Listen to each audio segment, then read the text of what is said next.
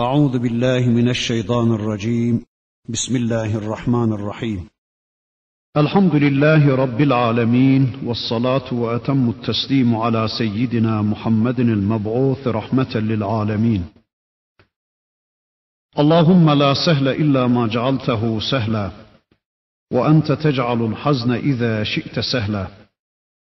اللهم علمنا ما ينفعنا وانفعنا بما علمتنا وزدنا علما برحمتك يا أرحم الراحمين. أما بعد بسم الله الرحمن الرحيم. إن الذين آمنوا والذين هادوا والنصارى والصابئين من آمن بالله واليوم الآخر وعمل صالحا فلهم أجرهم عند ربهم ولا خوف عليهم ولا هم يحزنون. وإذ أخذنا ميثاقكم ورفعنا فوقكم الطور.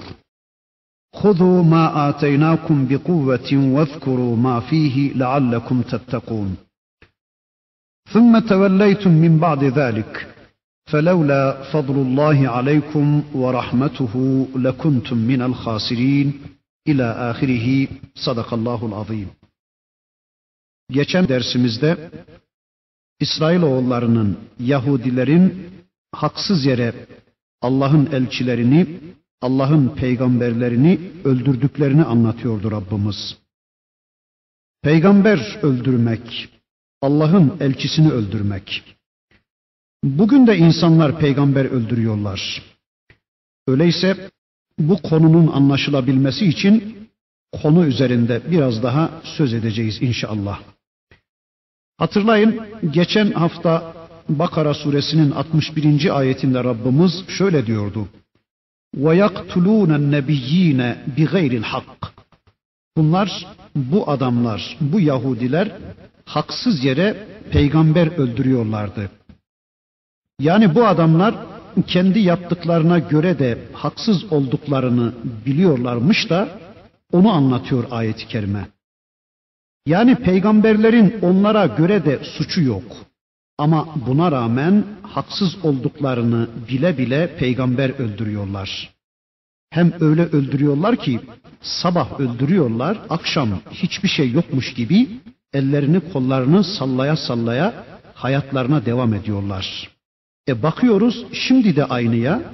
Yani fiziki anlamda bizzat öldürme yok ama fikri anlamda öldürmeler bugün de aynen devam etmektedir. Bugün de insanlar peygamber öldürüyorlar. Bugün de bakıyoruz insanlar insan öldürüyorlar. Mesela kürtaj yoluyla her gün binlercesi öldürülüyor ama herkes her gün elini kolunu sallaya sallaya hiçbir şey yokmuş gibi hayatına devam ediyor.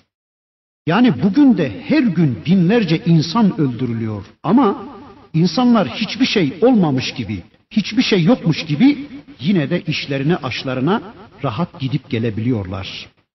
Bununla birlik şunu da diyeceğiz. Peygamberi öldürmek iki türlüdür. Peygamber öldürmek iki türlüdür. Bunlardan birincisi peygamberi kendi başına bırakmak biçiminde öldürmek. Yani peygamberi kendi haline terk etmek, peygamberle ilgilenmemek, peygamberle diyalog kurmamak, peygamberin getirdiği mesajla ilgilenmemek, peygambere karşı sırt dönmek biçiminde peygamberi öldürmek. Hani Maide suresinde Rabbimiz öncekilerden söz aldığını bize anlatıyordu. Hangi konuda? Yani son elçisi Hazreti Muhammed'e iman etmeleri konusunda, son elçisi Hazreti Muhammed'e destek çıkmaları konusunda Rabbimiz öncekilerden söz aldığını anlatıyordu. Bakın ayeti kerimede şöyle buyuruluyor. Ve amantum bi rusuli ve azzertumuhum.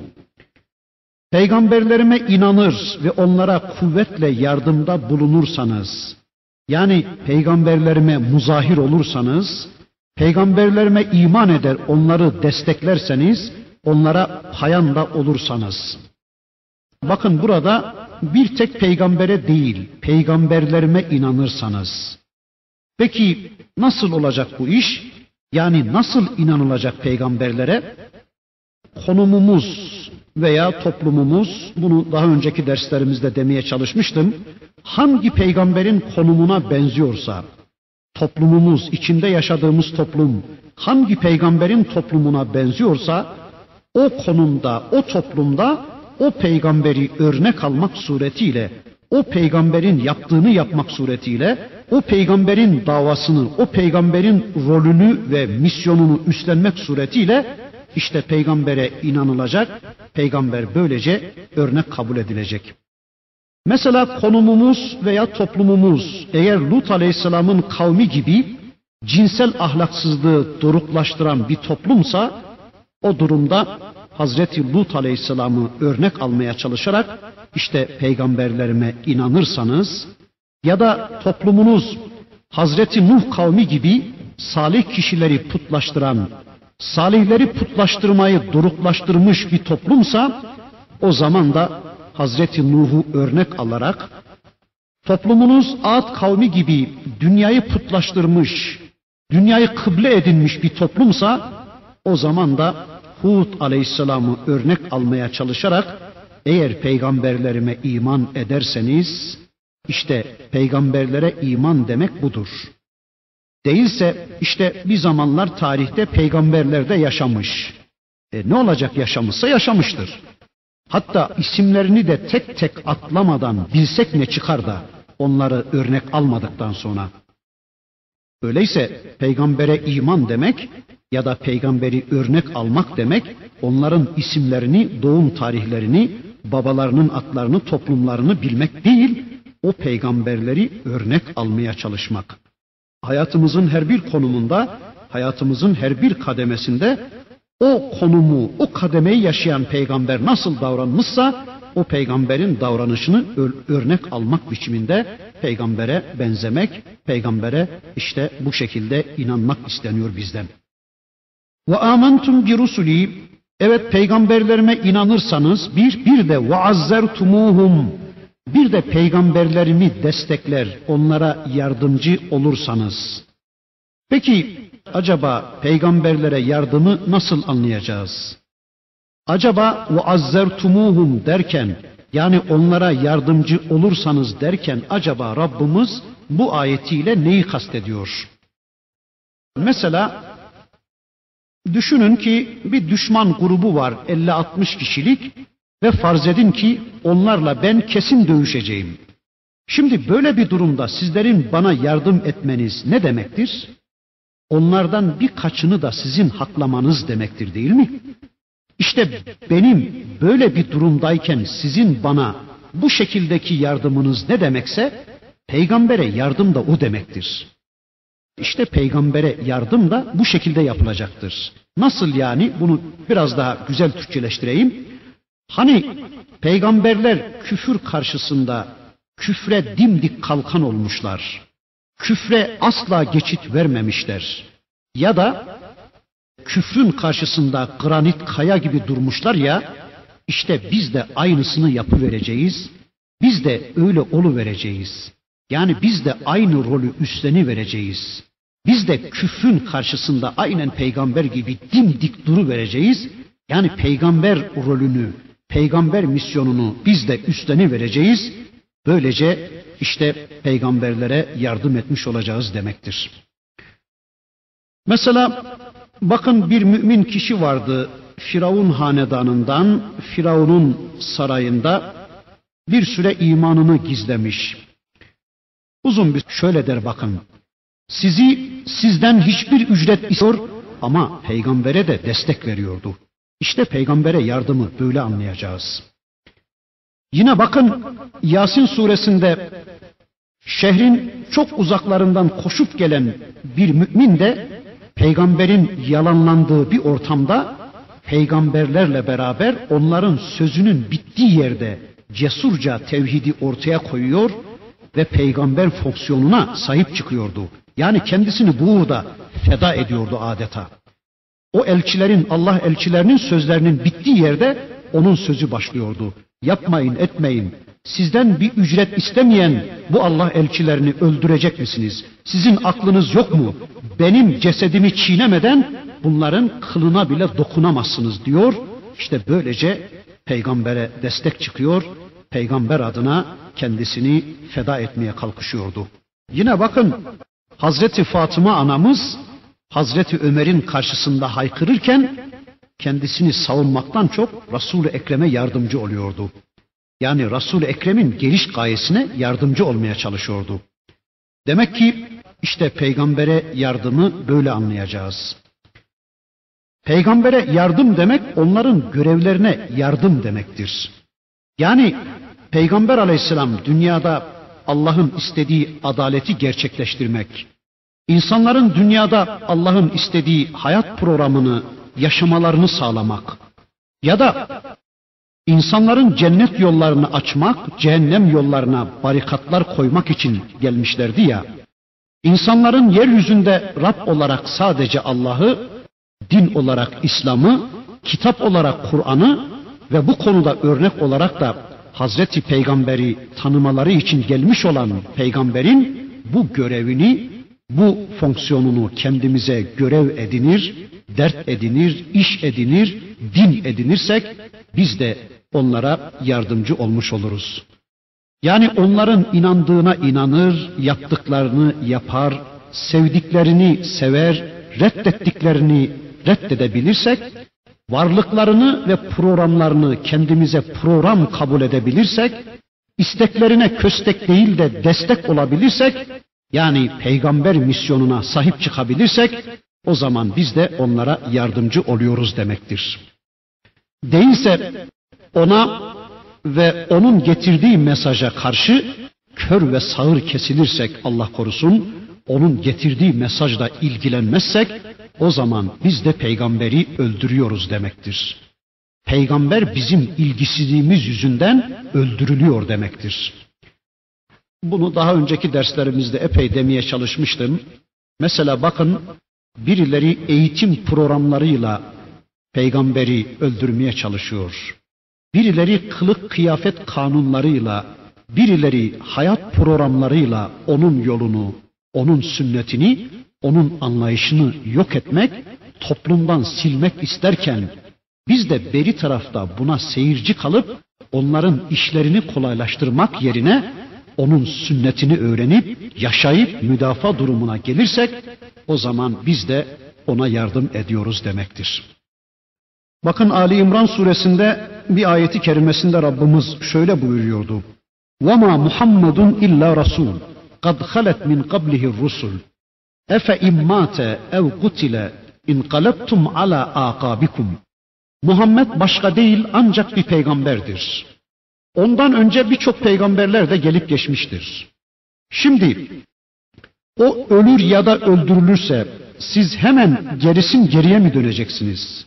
Ökçelerinizin üzerinde gerisin geriye eski küfrünüze, eski şirkinize, eski nifakınıza, eski şikakınıza mı döneceksiniz? Yani kafir mi olacaksınız? Ayeti işte bunu anlatıyor. Tamam. O gün peygamberin ölmesi de öldürülmesi de mümkündü. Bunu anladık da zaten ölmüş bir peygamberin bugün ölmesini ya da bu peygamberin bugün öldürülmesini nasıl anlayacağız? İslam'da öldürme iki anlamdadır. Birincisi tesebbüben öldürme, ikincisi amden öldürme. Yani ya bizzat kasten öldürüyorsun ya da bir de ölmesine, öldürülmesine sebep oluyorsun. Peygamberi ya böyle kasten öldürüyorlar ya da sebep olarak öldürüyorlar. E şimdi de toplum aynen ya peygamberi kasten öldürüyor veya ölümüne sebep oluyor veya öldürülmesine göz yumuyor. Öldürülmesi için uğraşanlara yardımcı oluyor demektir. Eğer birileri peygamberin yolunu, peygamberin anlayışını, peygamberin sünnetini öldürmeye çalışırken biz de eğer peygamberi tanımayarak, peygamberin sünnetini onlar karşısında müdafaa etmeyerek eğer peygamberi öldürmek isteyenlere karşı seyirci kalıyorsak Allah korusun biz de tesebbüben peygamberi öldürüyoruz demektir. İşte bunlar amden peygamber öldürüyorlardı. İşte bu yaptıkları için Allah'ın gazabına maruz kalıyorlardı. Başka ne yapıyorlardı bunlar? Bima asav ve kanu ya'tedun. Evet bu isyan ederek aşırı gitmelerindendi. Bunlar bir de isyan ediyorlar ve aşırı gidiyorlardı. Bakın burada ikinci bir hikmet anlatıyor Rabbimiz. Yani bu hale gelmelerinde iki sebep anlatılıyor. Bir, isyan etmeleri, ikincisi de haddi aşmaları. Yani peygamberlere karşı isyan ediyorlar ve de haddi aşıyorlardı bu adamlar. Peki peygambere karşı isyan etmek ne demek? Bunu şöyle anlayalım arkadaşlar. Peygamberle diyalog kurmakla beraber yani peygamberi ve peygamberin getirdiği mesajını tanımakla, onlarla ilgi kurmakla beraber onun dediklerinin tersini yapmak demektir. İşte isyan bu anlama gelir. Yani hem tanıyor hem biliyor adam ama yine de tersini yapıyor. İşte bu peygambere isyan demektir.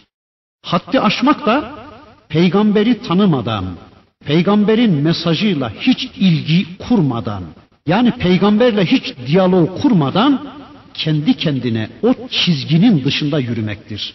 Benim anladığım budur. Yani adam hem İslam'dan haberdar, hem peygamberi tanıyor, peygamberin kendisinden istediklerini biliyor, hem de denilenin yani kendisinden istenilenin aksine hareket ediyorsa işte bu adam peygambere isyan ediyor, peygambere kafa tutuyor demektir. Peygamber böyle dese de ben bildiğimi yaparım diyorsa bu adam Allah korusun peygambere isyan içinde demektir. Yani peygambere rağmen iş yapıyor demektir. Peygamber öyle dese de o böyle yapmaktadır. Peygamber şöyle tarif etse de o başka tarafa gitmektedir. Birincisi böyle ki arkadaşlar bu isyandır ama ötekisi peygamberle hiç diyalog kurmamış. Peygamberi ve onun getirdiklerini hiç tanıma gereği duymamış. Peygamber ne için geldi? Peygamber ne tür bir mesaj getirdi? Peygamber nasıl bir hayat programı öneriyor? Bunu hiç tanıma gereği duymamış, işte böyle bir adamın kendisi de çizgiyi zaten aşmış demektir. E, çizgiyi bulması da mümkün değil demektir. İşte buna da haddi aşma diyoruz. Zalike bima asav ve kanu ya'tedun. Veya buradaki isyan ve haddi aşmayı şöyle de anlayabiliriz. Peygambere karşı birisi pozitif, diğeri de negatif olmak üzere iki tavır almaktır bu. Birisi negatif olur, yani adam peygambere karşı negatif bir tavır alıyor. Nasıl? Mesela peygamber kıl diyor ama adam kılmıyor. Peygamber ver diyor ama vermiyor. Peygamber yap diyor adam yapmıyor. Tut diyor tutmuyor gibi negatif bir tavır yani peygamberin aksine bir hareket tarzı tutturmak yatedun o da peygambere karşı pozitif bir hareket demektir. Yani isyan türünde denilenin ötesinde bir hareket. Yani içki içiyor, adam öldürüyor. Halbuki peygamber bunların hiçbirisini dememişti. İşte e, buradaki isyan ve haddi aşmayı peygambere karşı pozitif ya da negatif bir hareket olarak anlamaya çalışıyoruz. ذلك بأنهم يكفرون بآيات الله ويقتلون النبيين بغير الحق ذلك بما عصوا وكانوا يعتدون Bunların bu Yahudilerin bu cezaya çaptırılmalarının sebeplerini Rabbimiz büyükten küçüğe doğru sıralayıvermiş. Evvela Allah'a karşı işledikleri suçlar, sonra peygamberlere karşı işlenen suçlar, daha sonra da haddi aşmak gibi, zulmetmek gibi insanlara karşı işledikleri suçlar, verdikleri zararlar anlatılmış. Şimdi arkadaşlar gelelim bize. Acaba bugünkü Müslümanların Allah'ın ayetlerine karşı tavırları nedir? Yani ne kadar örtüyorlar ayetleri? Acaba bugünkü Müslümanların Allah elçilerine karşı tavırları nasıldır? Yani onları diriltmeye mi çalışıyorlar yoksa öldürmek için mi soyunmuşlar? Onlara karşı isyan mı ediyorlar yoksa hadlerini mi aşıyorlar?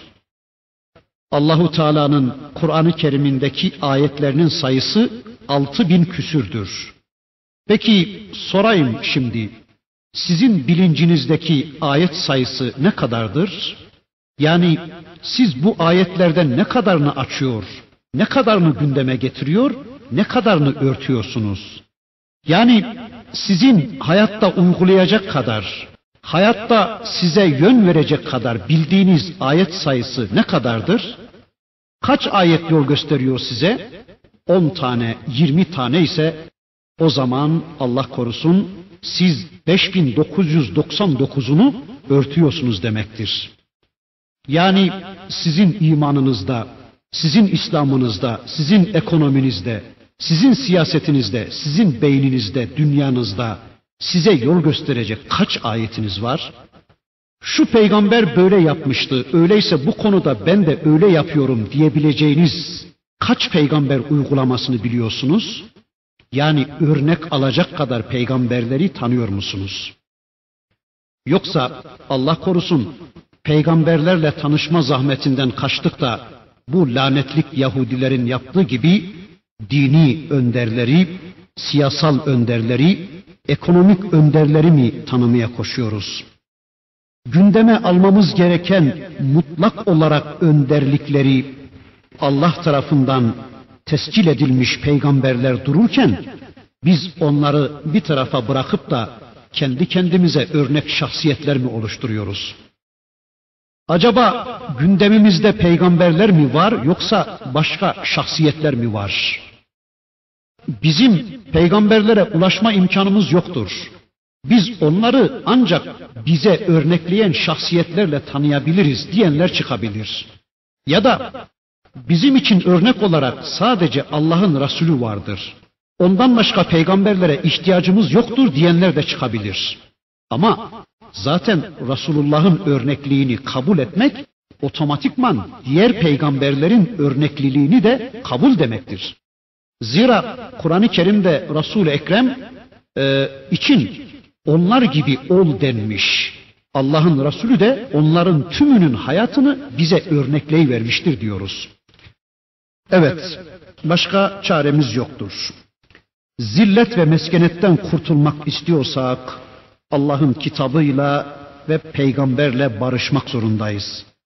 Allah'ın kitabına ilgisiz kalmak, Allah'ın Resulüyle tanışmamak ve böylece Allah'ın istemediği bir hayatı yaşamak Allah'la savaşmak demektir.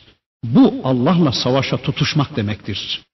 Allah'ın dediklerinin aksini yapmak ya da ya Rabbi senin gönderdiğin kitap, senin gönderdiğin peygamber 1400 yıl öncesinin hayatını düzenlemiş.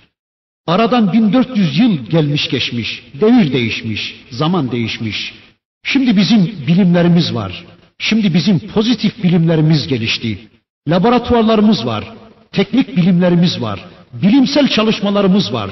Binaenaleyh artık senin modası geçmiş kitabına ve senin modası geçmiş peygamberine ihtiyacımız kalmadı diyerek onun arzu ettiği hayatın dışında yaşamaya çalışmak Allah korusun Allah'a harp ilan etmek demektir ki Allah'la savaşa tutuşan bir toplumun zillet ve meskenetten kurtulması da asla mümkün olmayacaktır. İşte Yahudilere seslenen bu ayetler bizlere de bunu anlatıyor, bunu söylüyor.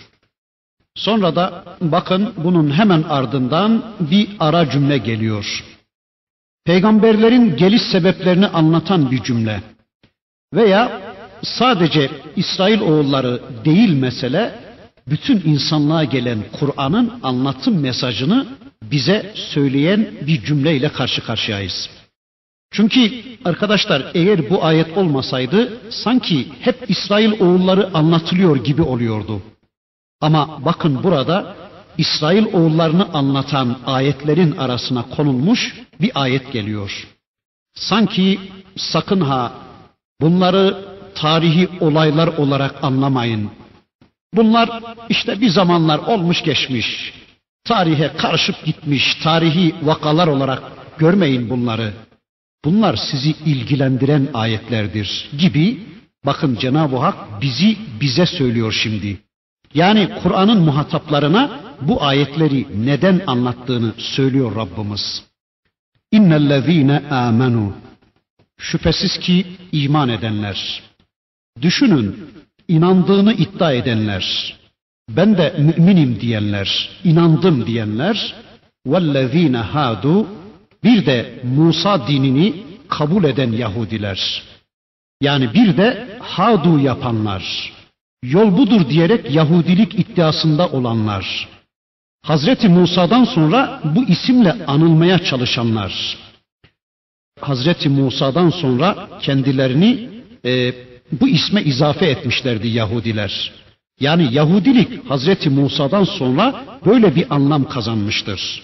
وَالَّذ۪ينَ hadu işte bir de hadu yapanlar, kendilerine Yahudilik ismini izafe edenler. Ve nasara bir de nasraniler, nasaralar yani Hristiyanlar. Hazreti İsa'nın dinini din kabul ettiklerini iddia edenler. Ve sabiin bir de sabiin olanlar. Yani tüm bu dinlerin dışında olup ateşe, aya ve yıldızlara tapanlar. Yani dinin dışında olanlar. Sabiin İslam'ın dışındaki tüm din mensuplarını kapsamaktadır. Ve sabi'in bir de dinin dışında olanlar, hiçbir dine inanmayanlar. Bunu şöyle anladım ben. İnnellezine amenu inandığını iddia edenler yani mümin olduklarını kabul edenler. Allah'tan gelen dine ben de inanıyorum diyenler. Çünkü az sonra bu kimselere yani inanan bu insanlara yeniden iman edin denecekse arkadaşlar o zaman bu iman sadece iddiadan ibaret bir iman olacaktır. Ya eyyühellezine amenu ey iman edenler aminu iman edin. Ayetlerinde de aynı manayı görüyoruz. Yani başta ey iman edenler denilmiş ve daha sonra da iman edin denilmişse bunun anlamı şudur. Ey iman iddiasında bulunanlar iman edin demektir bunun manası. Eğer sizler ben de inandım diyorsanız o zaman bu sözler size de söyleniyor demektir. Mesela arkadaşlar ey siyah sarıklı arkadaş desem tüm siyah sarıklılar bu sözün muhatabıdır. Bir böyle ey inandığını zannedenler, inandığını iddia edenler demektir. Bir de ey buraya kadar anlatılanlara inananlar demektir bunun manası. Buraya kadar bir şeyler anlatıldı, anlatıldı ve sonra da ey buraya kadar anlatılanlara inananlar demektir. Ve o zaman ne anlatılmışsa ona inananlar anlamına gelecektir. Yani buraya kadar anlatılanlara inandın, bundan sonraki anlatılacak olanlara da inanın demek olacaktır mana. Allah'ın gönderdiği dine inandığını iddia edip de Yahudice sapıp sapıtan, dünyacı ve maddeci olan insanlar. Allah'ın gönderdiği dine inanıyorum. Benim de kitabım var. Ben de kitap sahibiyim. Ben de kitap ehliyim. Benim de peygamberim var dediği halde ruhçu görüşe saplanarak Yahudinin zıttına Hristiyan gibi sapıp sapıtanlar. Ne de ey bütün bunlara rağmen Allah'ın gönderdiği dine ben de inanmıyorum diyenler. Demek ki iman karşısında insanlar dörde ayrılıyor. Bir, inandığını iddia edenler ve yaşayabildikleri kadar imanlarını yaşamaya çalışanlar. İki, inandığını iddia edip de maddeye tapıp sapıtanlar, yani Yahudiler gibi maddeye taparak sapıp gidenler. Üçüncüsü, inandığını iddia edip de ruhtan yana meyledip, yani ruhçu kesilip Hristiyanlar gibi öylece sapıp gidenler. Bir dördüncüsü de imanla, İslam'la hiç ilgisi olmayanlar. İşte bunlardan her kim ki men amene billahi vel yevmil ahiri ve amile salihan felehum ecruhum inde rabbihim ve la havfun aleyhim ve la hum yahzenun. Şimdi bunlardan her kim Allah'a ve ahiret gününe iman ederse ve bir de salih amel işlerse işte bunların ecirleri Rableri katındadır. وَلَا خَوْفٌ عَلَيْهِمْ وَلَا هُمْ يَحْزَنُونَ Onlara korku da yoktur ve onlar mahzun da olmayacaklardır. Evet bu dört grup insandan kim ki iman eder ve inancını da amele dönüştürürse yani salih amel işlerse işte o zaman o cennete girecektir. Ama adam böyle kendi kendine ben Müslümanım dedi yani diliyle ağzıyla Müslümanlıkla ilgi kurdu tamam bitti değil. Gerçek manada Allah'ın istediği gibi amene billah yapacak. Yani Allah'a Allah'ın istediği gibi inanacak. E sadece bu da yetmez. Bir de ve amile saliha bir de salih amel de işleyecek. Yoksa bu ayeti kerimede kitaba dayalı olmayan bir Müslümanlık istemiyor Allah bizden. Yani sadece iddiadan ibaret bir Müslümanlık istemiyor Rabbimiz. Allah korusun da bizde Yahudice dünyaya, maddeye tapanlar var. Hem de pek çok. Nadir de olsa Hristiyanlar gibi dünyadan el etek çekmiş, ruhbanca yaşamaya çalışanlar da var. Aynen Hristiyanların ve Yahudilerin bozuk dinlerine sarıldıkları gibi İslam'a böyle bozuk düzen sarılan Müslümanlar var. Yani Allah korusun adam kitabından habersiz işte Allah Muhammed'e de bir kitap göndermiş der gibi inanıyor. E bunu zaten Allah Bakara'nın başında anlatmıştı. E oraya bir daha girmek istemiyorum. Yani kitapla ilgisiz Müslümanlar, kitaplarının bozukluğunun farkında olmayan Hristiyanlar, kitaplarını tahrif etmiş Yahudiler ya da Allah'ın kitabından başka dinin müntesibi olan insanlar, eğer kurtulmak istiyorsanız, eğer kurtulmak istiyorlarsa Allah'a ve ahiret gününe inanır ve de salih amel işlerler. Başka çaresi yoktur bunun. İşte ayeti kerimede Rabbimiz bize bunu anlatıyor. Kimileri Bakara suresindeki bu ayeti temel kabul ederek ehli kitabı cennete postalama gayretine kapılmışlardır. Yani bu ayeti temel kabul ederek kimileri Yahudi ve Hristiyanları da cennete postalama savaşı içine girmişlerdir. Efendim madem ki Allah bu ayetinde bu dört grup insanlardan kim ki Allah'a ve ahiret gününe inanır ve de salih amel işlerse işte onlar cennete gidecektir buyurmuştur. E, bu Yahudiler de bu Hristiyanlar da Allah'a inanmaktadırlar. İşte bunlar da havralarına, kiliselerine girip amel işlemektedirler. Öyleyse neden bu adamlar da cennete gitmesinler derdine düşmüş kimileri. Halbuki tek bir ayet hem de yalın olarak temel kabul edilip onun üzerine hüküm bina edilemez. Bu harici mantığıdır. Topyekün ayetler, topyekün Kur'an, topyekün sureler ve peygamberimizin topyekün sünneti birlikte düşünülerek, değerlendirilerek bir sonuca gitmek zorundayız. Değilse yalın olarak tek bir ayetle bir konuda sonuca gitmek harici mantığıdır ve Allah korusun bu dinden sapmadır. Bu ehli kitabın Kur'an'da açıkça kafir olduklarını anlatan ayetleri imdadımıza çağırdığımız zaman ve de az önceki ayetlerde bunların İslam'a çağrılmalarını, Müslüman olmalarını emreden ayetleri de göz önüne getirdiğimiz zaman bu sonuca gitmenin kesinlikle mümkün olmadığını göreceğiz. Yani bu ehli kitabın kendilerince oluşturdukları bir hayat, kendilerince oluşturdukları bir iman ve salih amel anlayışlarıyla cennete gidebileceklerini söyleyebilmek kesinlikle mümkün olmayacaktır.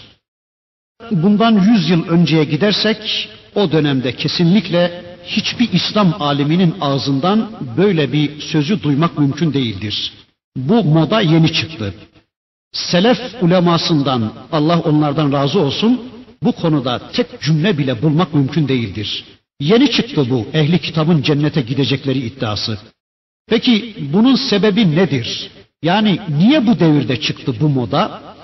Bunun birinci sebebi Müslümanların ehli kitap karşısında aşağılık kompleksine kapılmaya başladıkları bir dönem olduğu için ortaya atılmıştır diyoruz. İkincisi de Müslümanlar yavaş yavaş kendilerine vurulan morfinin tesirinden kurtulup Yahudi ve Hristiyanlar karşısında bir izzet ve şeref kavgası vermeye başlayınca Müslümanların onlara karşı bu dirençlerini kırmak için ortaya atılan düşünceden ibarettir bu. Yani Müslümanlar onlara karşı bu mücadeleden vazgeçsinler, kendileriyle birlikte cennete gidecek olan bu has kardeşlerine karşı ılımlı davransınlar diye ortaya atılmış bir yutturmacadan başka bir şey değildir bu. Şimdi bakın ayeti kerimeye bir daha dönelim.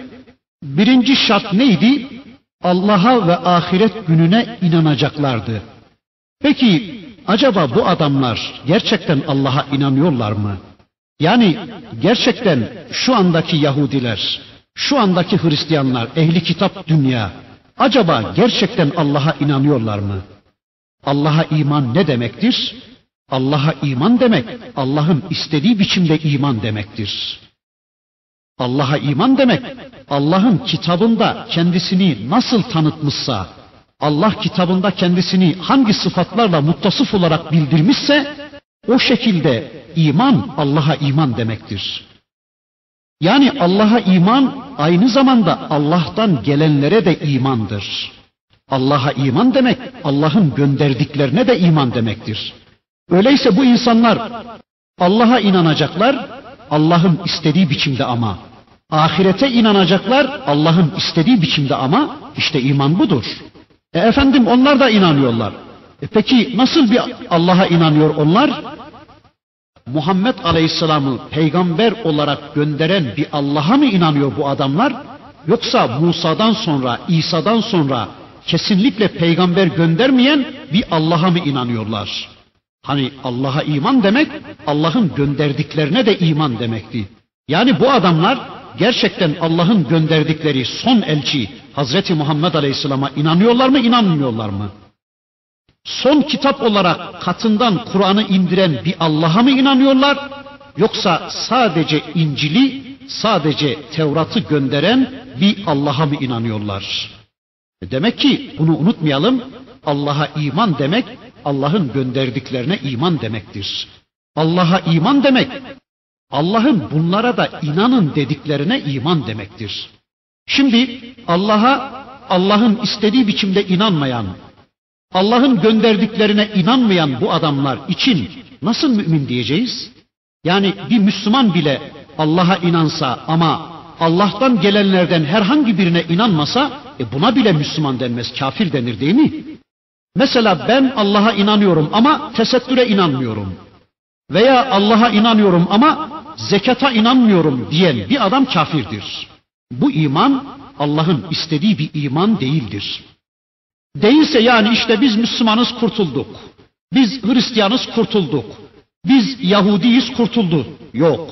İşte ayet bunun böyle olmadığını anlatıyor. Allah ve Resulü nasıl inanın demişse öylece inanın denilmektedir. Sadece iman da yetmez. Yani ben Allah'a, Allah'ın gönderdiği her şeye inandım. Bu da yetmez. Arkasından bu imanın hayatında görüntülenmesi adına salih amel şartı geliyor. Peki nedir salih amel? Salih amel mahza Allah için yapılan ve sünnette yeri olan ameldir. Yani bir amelin salih amel olabilmesi için iki şart vardır. Birincisi o amel mahsa Allah için yapılmış olmalıdır. Yani niyet sadece Allah için olmalıdır. Bir, bir de bu amelin sünnette yeri olması gerekmektedir. Yani Allah'ın Resulünün hayatında yeri olan bir amel olması lazım. O amelin salih amel olabilmesi için. Yani öyleyse şunu söyleyelim, salih amel demek peygambere uymak demektir. Salih amel işlemek demek Muhammed Aleyhisselam'a uymak, Muhammed Aleyhisselam'a tabi olmak, onun dediklerini dedikleri biçimde yapmak demektir salih amel. Bu iki şarttan biri eksikse yani niyet bozuksa o amel salih amel değil, niyet düzgün yani adam o amelini mahsa Allah için yapıyor ama o amelin sünnette yeri yoksa yani peygamberin hayatında öyle bir amel yoksa yine o amele salih amel denmeyecektir. Mesela nasıl? Mesela farz edin ki bir adam dışarıda işte şu karın buzun altında başını yere koyup ayaklarını yukarıya getirse yani amuda kalsa ve iki üç saat kadar bu şekilde kendisine işkence etse, oradan geçen birisi de sorsa, hayrola kardeş bu vaziyet ne diye sorsa, e dese ki, valla ben ibadet yapıyorum, ben bu halimle Allah'ı kendimden razı etmeye çalışıyorum dese ve bunu söylerken de gerçekten ciddi ciddi Allah için niyet taşır olsa, yani gerçekten bunu Allah için ibadet niyetiyle yapsa, e şimdi bu amele salih amel diyebilir miyiz? Diyemeyiz değil mi? Niyet var ama bu amelin sünnette yeri yok. Yani Allah'ın Resulünün hayatında böyle bir kulluk türü yoktur ve boş bir iştir bu. İkinciye de bir örnek verelim. Mesela bir Alman düşünün dükkanına gelen bir fakire yardım ediyor. Veya yaptığınız e, bir alışveriş sonunda size eksik ödediğini fark edince arkanızdan iki ay sonra da olsa paranızı adresinize postalıyor. Amel aslında güzel ve salih bir ameldir. Yani Peygamber Aleyhisselam'ın hayatında yeri olan bir ameldir. Ama acaba bu Alman bu ameli niye yapıyor? Allah için mi? Allah'ı razı etmek için mi yapıyor? Yani ahirette bunun mükafatını bulmak için mi yapıyor bunu? Kesinlikle hayır. Bu amel onun imanından kaynaklanan bir amel değildir. Çünkü o Alman ahirete inanmıyor ki onun için amel işlesin.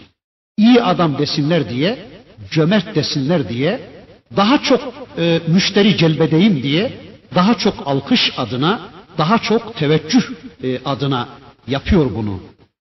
İşte bu da salih bir amel değildir. Çünkü sünnette yeri olan bir amel ama bu defa da niyet Allah için değil. Şimdi bakın, madem ki salih amel peygambere uymak, peygambere tabi olmaktır, o halde peygambere inanmayan bu adamların salih amel işlediklerini nasıl söyleyebiliriz? Yani bunu bir türlü benim aklım almıyor. Ben size İslam'a göre ve İslam'ın salih amelini tarif ettim.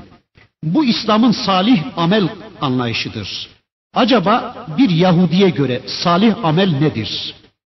Yani acaba Yahudiler ne diyorlar bu salih amel konusunda?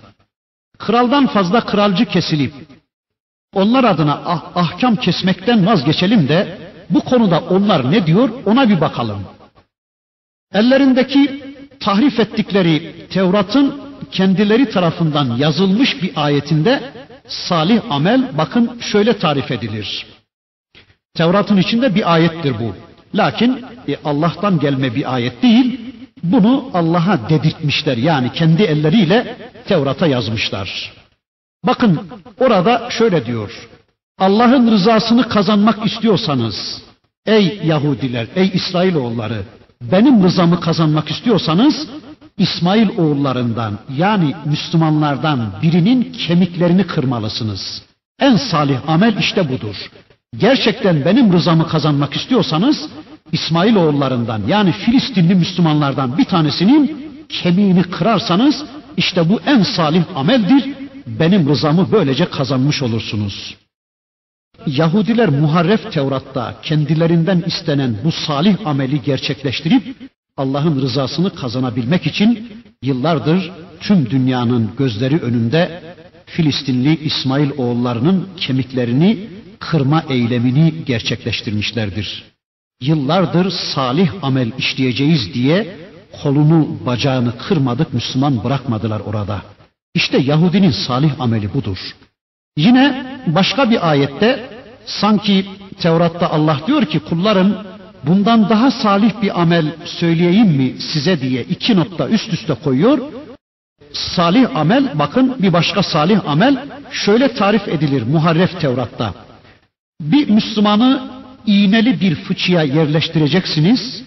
Kanını son damlasına kadar akıtıp onunla hamur yoğurup ekmek yapacaksınız ve bir mukaddes günde şarapla birlikte bu ekmeği yiyeceksiniz. İşte Yahudinin salih ameli budur. Şimdi varın siz bu adamlar salih amel de işliyorlar diye bunları cennete postalama kavgası verin. Peki acaba Hristiyanlara göre salih amel nedir? Hristiyan Amerika'ya ve Hristiyan Batılı'ya göre de salih amel işte Körfez'de 500 bin ton bomba atarak 400 bin Iraklı Müslümanın kanını akıtmaktır. Onlara göre de salih amelin tarifi budur işte. Adamlar resmen ilan ettiler bunu. Tüm dünyada bir tek İsmail oğullu Müslüman kalmayıncaya kadar İsrail oğullarının savaşı devam edecektir dediler. Ve şu anda tüm dünyada bütün şiddetiyle bu savaş sürmektedir. Tüm dünyada İsrail oğullarıyla İsmail oğullarının savaşı sürmektedir. Ama ne gariptir ki bizim idarecilerin savunacak bir dinleri olmadığı için bunun adını koyamıyorlar. Israrla bunun bir din savaşı olmadığını vurgulama çabası içine giriyorlar. Halbuki yeryüzünde tek Müslüman kalmayıncaya dek bu savaşımız sürecektir diyor adamlar. İşte bu Hristiyanların da salih ameli budur. Yani biz onlar gibi cani değiliz. Biz onlar gibi demiyoruz. Bakın ne diyor adamlar? Yeryüzünde bir tek İsmail oğlu kalmayıncaya kadar bizim savaşımız sürecektir diyor. Cani insanlar. E peki biz ne diyoruz? Biz de diyoruz ki yeryüzünde fitne kalmayıncaya kadar savaşımız sürecektir diyoruz. Çünkü Rabbimiz bize böyle diyor. وَقَاتِلُوهُمْ hatta la tekune fitnetun ve yekune dinu kulluhu lillah. Yeryüzünde fitne kalmayıncaya kadar yani Allah'ın kulları özgür iradeleriyle istedikleri inancı seçecekleri ortamı buluncaya kadar onlarla savaşın diyor Rabbimiz. İşte aramızdaki fark budur. Onlar tek Müslüman kalmayıncaya kadar savaşacağız diyorlar. Biz öyle demiyoruz. Yeryüzünde tek kafir kalmayıncaya kadar demiyoruz. Yeryüzünde fitne kalmayıncaya kadar bizim savaşımız sürecektir diyoruz. Yani yeryüzünde Allah'ın kullarının özgürce Allah'a ibadetine imkan vermeyen tüm engeller kaldırılıncaya kadar savaşımız sürecektir diyoruz. Yoksa İslam'a savaş açıp Allah'ın hakimiyetinin önüne dikilmedikçe bizim dinimiz durup dururken hiçbir kafirin öldürülmesine izin vermemektedir, cevaz vermemektedir. Evet, bu halleriyle bu ehli kitabın cennete gitmeleri hayalden başka bir şey değildir. Nitekim Müslim'in rivayet ettiği bir hadislerinde Allah'ın Resulü bakın şöyle buyurur. Allah'a yemin ederim ki Yahudi olsun, Hristiyan olsun bu ümmetten herhangi bir kimse benim risaletimi işitip de sonra da kendisiyle gönderildiğim şeye iman etmedikçe o mutlaka cehenneme gidecektir. Çünkü zaten Kur'an hemen surenin ilk başında bunu ortaya koymuştu. Ne demişti? Bakara suresinin başlarına doğru gidelim şöyle. Ne demişti Rabbimiz bakın? وَالَّذ۪ينَ يُؤْمِنُونَ بِمَا اُنْزِلَ اِلَيْكَ وَمَا اُنْزِلَ مِنْ قَبْلِكَ Sana ve senden öncekilere gönderdiğimiz kitaplara inanır o müminler demişti Rabbimiz. İşte şart budur. Mümin olmanın şartı budur. Cennete gitmenin şartı budur yani. Ve yine biliyoruz ki kitap Yahudi ve Hristiyanları kendisine imana çağırmıştı. Kur'an-ı Kerim daha önce görmüştük. Yahudi ve Hristiyanları bu Kur'an kendisine imana çağırmıştı. Ayeti hatırlayalım. Ne demişti Rabbimiz? Ve aminu bima enzeltu musaddikan lima ma'akum. Ey Yahudiler, ey İsrailoğulları, yanınızdakini tasdikçi olarak indirdiğim son kitaba iman edin. Son kitaba inanın demişti Rabbimiz. Yani eğer bu adamlar bu halleriyle yani kendi şekillendirdikleri dinlerini yaşayarak cennete gidebilecek olsalardı herhalde Kur'an onları ayrıca kendisine imana çağırmazdı. Yani siz bildiğiniz gibi yaşayın ve cennete gidin der ve onları bu konuda serbest bırakırdı. Halbuki bakıyoruz ki Kur'an İsrailoğullarını, ehli kitabı, Yahudileri İslam'a imana çağırmış, Kur'an'a son kitaba, son elçiye imana çağırmış. Bir de şunu biliyoruz ki bu konuda Resulullah Efendimizin gelmesinden önce Allah'a ve ahiret gününe iman eden ve de salih ameller işleyen kimseler bile Tevrat ve İncil'in hükmünce geleceğin büyük peygamberi olan Hazreti Muhammed Aleyhisselam'a inanmakla mükellef idiler. Yani o gün yaşayan Hazreti Musa ve Hazreti İsa Aleyhisselam döneminde yaşayan Yahudi ve Hristiyanlar bile yani o dönemde bile daha gelmemiş peygambere ahir zaman nebisine iman etmedikçe iman etmiş sayılmıyorlardı. Yani o gün bile e, Hazreti Musa döneminde yaşayan bir Yahudi ya da Hazreti İsa Aleyhisselam döneminde yaşayan bir Hristiyan son elçi ahir zaman nebisi Hazreti Muhammed Aleyhisselam'a o dönemde bile inanmadıkça Müslüman sayılmıyordu. E, bu dönemde inanmayan bu insanları nasıl Müslüman sayacağız? Bu insanları nasıl cennete postalayacağız? Anlamak gerçekten güç. Hatta bu imana yani o dönemdeki bunların bu imanına işaret olarak Rabbimiz daha önce şöyle buyurmuştu. Ve evfu bi ahdi ufi bi ahdikum. Ey İsrailoğulları siz bana verdiğiniz ahdinizi yerine getirin ben de size olan sözümü yerine getireyim. Peki neydi Allah'ın onlardan aldığı ahit ya da İsrailoğullarının o dönemde Allah'a verdikleri ahit neydi? Yani son elçime iman e, ettiğinize ve edeceğinize dair dün bana verdiğiniz o sözünüzü yerine getirin ki ben de size karşı vaadimi yerine getireyim. Hal böyleyken o dönemde bile son elçiye iman etmedikçe mümin sayılmayan bu insanlar arasında e, Resul-i Ekrem'in zuhurundan sonra onun peygamberlerini reddettikleri halde nerede kaldı hala iman ehli bulunduğunu varsaymak, bunun varsayımına inanmak. Buna göre bu ayetin şöyle bir izahını da yapabiliriz. Burada bu ayeti kerimede anlatılan Yahudiler Hazreti Musa'ya ve ona gönderilen Tevrat'a iman edip Hazreti İsa'dan önce yaşayıp da masiyete iştirak etmeyen ve iman üzere yaşayıp iman üzere ölüp giden kimselerdir diyebiliriz. Çünkü Hazreti İsa'nın peygamber olarak gönderilmesinden sonra artık ona iman etmeyen Yahudiler ise helak olmuşlardır diyoruz. Ayet-i kerimedeki Hristiyanlardan kasıt da Hazreti İsa'ya ve ona gönderilen İncil'e inanıp Hazreti Muhammed Aleyhisselam'ın zuhurundan önce yaşayıp salih iman ve salih amel üzere devam edip bu imanla ölen kimselerdir. Ama Hazreti Muhammed Aleyhisselam'ın zuhurundan sonra ona iman etmeyen Hristiyan ve Yahudilerin tamamı helak olmuşlardır diyeceğiz. Sabilerin durumları da aynen bunlar gibidir. Onlar Resulullah'ın gönderilmesine kadar şayet kavimlerinden ayrılmaları isteniyor idiyse kavimlerinden ayrı kaldıkları için kurtulmuş olurlar.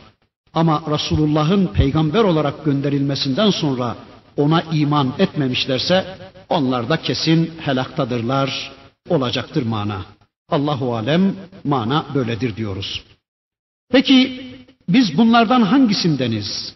Yani biz bunlardan inandığını iddia edenlerdeniz ama bu inancımız eğer men amene billahi vel yevmil ahiri ve amile saliha olmadıkça bilelim ki bize de cennet yoktur.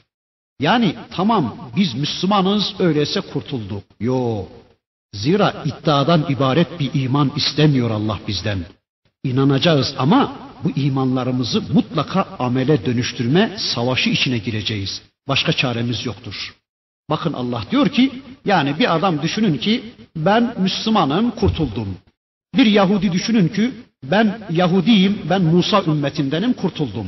Bir Hristiyan düşünün ki ben Hristiyanım işte ben Hazreti İsa inandım kurtuldum. Yok öyle şey. Yani ister Müslüman, ister Yahudi, ister Hristiyan. Kim olursa olsun men amene billah Allah'a Allah'ın istediği biçimde inanırsa vel yevmil ahiri ahirete de inanırsa ve amile saliha bu imanı sadece iddiadan ibaret bırakmaz da inandığını inandığını hayatında görüntüler yani inancını pratize eder inandığı şeyleri yaşamaya çalışırsa işte felehum ecruhum anda rabbihim ve la havfun aleyhim ve la hum yahzenun. Onlara Allah katında ecirler vardır. Toplumdan bir ecir veya dünyada bir ecir değil veya kendi kendilerine bekledikleri, buldukları bir ecir değil, Allah onlara güzel bir ecir hazırlamıştır. onlar mahzun ve mükedder de olmayacaklardır. Yani e, bu onlar cennete girecekler demektir. Yani onlar için ne cehenneme yuvarlanma korkusu ne de cenneti kaybetme üzüntüsü olmayacaktır. Çünkü Araf'taydı galiba. Udhulul cennete la havfun aleykum ve la entum tahzenun. Girin cennete sizin için korku da yoktur, mahzun olma da deniliyordu. Bakın bu konuda şöyle bir özet yapıp bu konuyu kapatalım inşallah. Bir adam Tevrat'a inanıyorsa, Hazreti Musa ile beraberse, onun için onunla beraber savaşmışsa, 12 nakipten birisi ise peygamberin dediği gibi yaşamış ve bu uğurda ölmüşse bu adam garanti cennettedir. Ya da Hazreti İsa peygambere ilk inananlardansa 12 havariden birisi ise sadakatini sürdürmüş ve nahnu ansarullah demiş ve bu imanıyla ölmüşse bu adam da garanti cennettedir. Ya da şu tahrif olmuş Tevrat'ı tanımışsa, Allah bana kitap göndermiş diye onunla beraber olmuş, onunla amel etmeye çalışmış, anlamadığı yerde susmuş ama yenisini, doğrusunu aramaya çalışmış ama hakka ulaşamamışsa, yani orijinalini bulamamışsa, Kur'an'ı da duymamışsa, Kur'an'a da ulaşamamışsa bu adamın cennete gitmesini bilmem ama cehenneme gidiyorsa bütün Müslümanlar sorumludur bu adamdan diyorum. Vaktimiz yine doldu. İnşallah burada kalalım. Gelecek dersimizde yine bir şeyler söyledikten sonra Rabbimizin öteki ayetlerini hep birlikte tanımaya geçmek üzere. Velhamdülillahi Rabbil